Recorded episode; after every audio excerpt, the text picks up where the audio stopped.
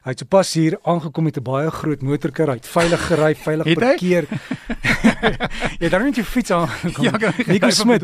Môre selfs wiele, hallo Nico en uh, jou motorplan het verval, né? Nee. Ehm uh, myne het verval en is nogal ehm um, iets wat ek nou die ekstra geldjies my elke maand by ehm um, spaar want as as ek nou iets gaan moet betaal ehm um, op my voertuig gaan dit kan dit moontlik baie geld wees.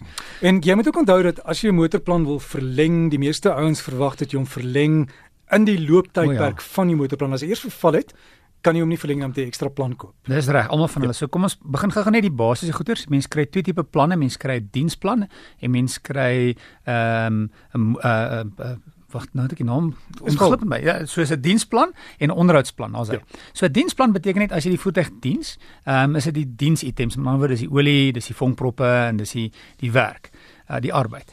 As jy 'n uh, onderhoudsplan het, beteken dit dan 'n sekere tyd as die remme moet vervang word. Dit gaan nie enige tyd, daar's gewoonlik 'n gespe gespesifiseerde tyd vervang hulle die remme as die ruitveer vervang moet word op 'n sekere tyd vervang die ruitveers en dan elke vervaardiger het 'n sekere tyd wat hulle sê hierdie kom ons sê jou onderhoudsplan ehm um, is dan van tot en met 100 000 km en dan of 5 jaar. Kom ons sê dis 5 jaar, 100 000 km. Met ander woorde, enige verlengings wat jy wil doen aan jou plan moet gebeur voor jou voertuig by 100 000 jaar, 100 000 uh, jaar, 100 000 km. Wel 100 000 jaar gaan redelik lank hou. 100 000 km of 5 jaar. Sodra jy oor 1 km oor kan jy meer kan jy nie meer verleng nie sodra jou tydperk verby is kan jy nie meer verleng. So die verlenging moet gebeur voor dit. Nou ek het onlangs 'n artikel gelees die um, persoon het 'n voertuig gekoop en hulle het um, volgens hulle verstaan hulle nog so 5 maande oor gehad op op die plan, op die onderhoudsplan.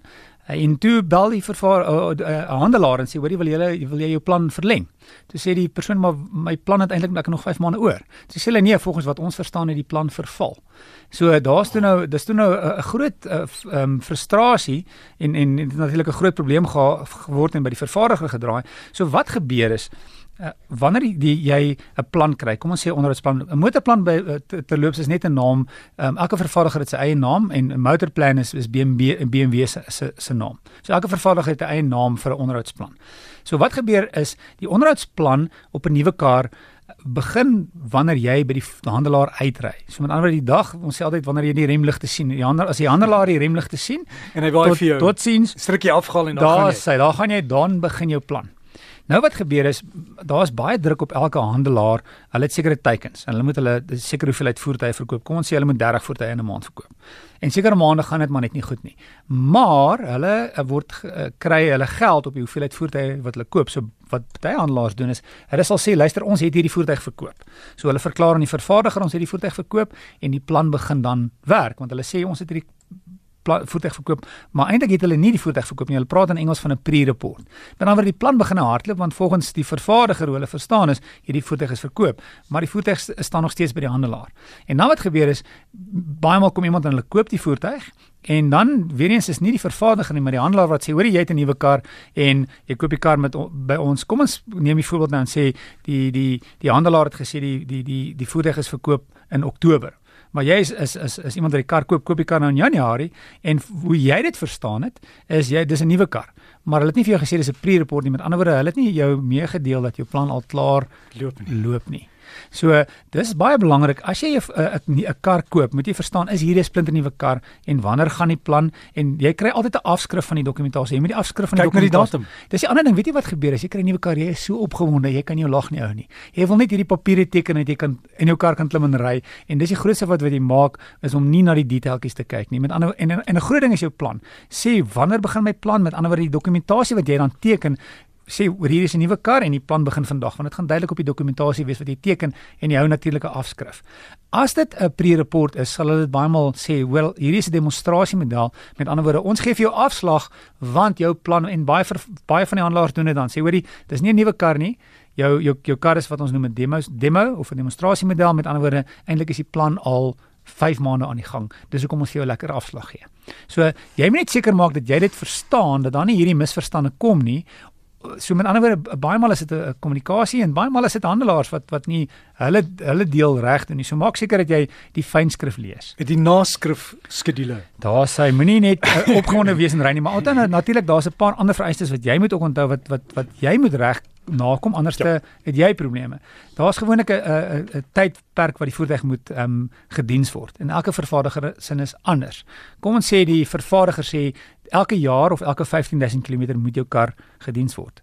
Dan is daar gewoonlik 'n 'n 'n mate van ehm um, wat sal ons dit noem ehm um, jy jy kan voor om, om by 1000 of 1500 km voor dit voor daai tydperk in die kardiens kom ons sê dis 30000 km wat jou volgende diens is kan jy by 28500 km kan jou kar al diens tot en met 31500 sodra hy oor dit is kan die vervaardiger sê hoor jy ons ons kanselleer na jou plan want jy het nie volgens die kontrak in hierdie tydperk gedien ge, jou kar gediens nie. As dit kom ons sê dit is 1 jaar of 15000, selfs al het jy net 3000 km gedoen, as 1 jaar verby is, moet jy jou voertuig diens.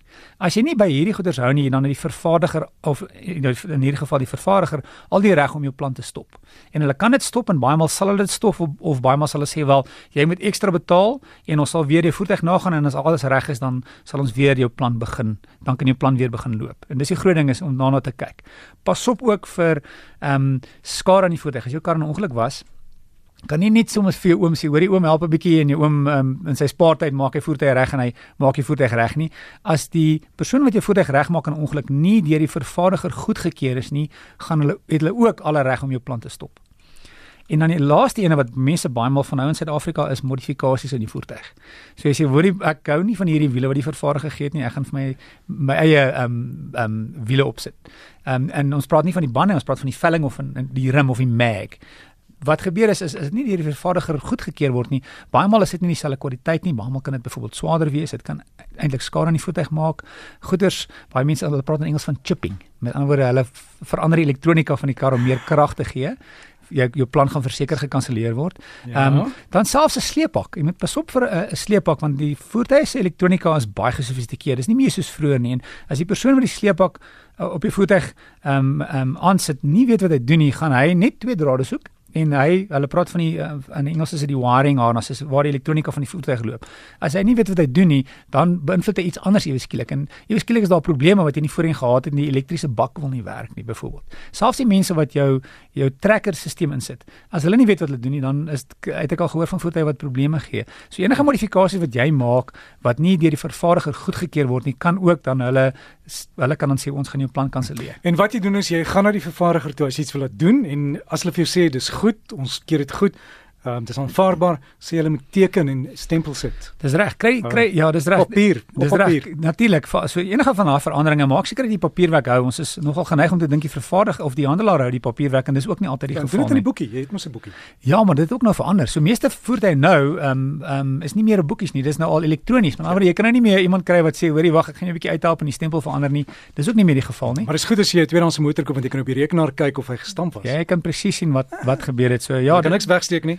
Dis reg. Hou jou papierwerk en maak seker dat jy ehm um, jou huiswerk doen voor jy net iets koop of voor jy veranderinge maak.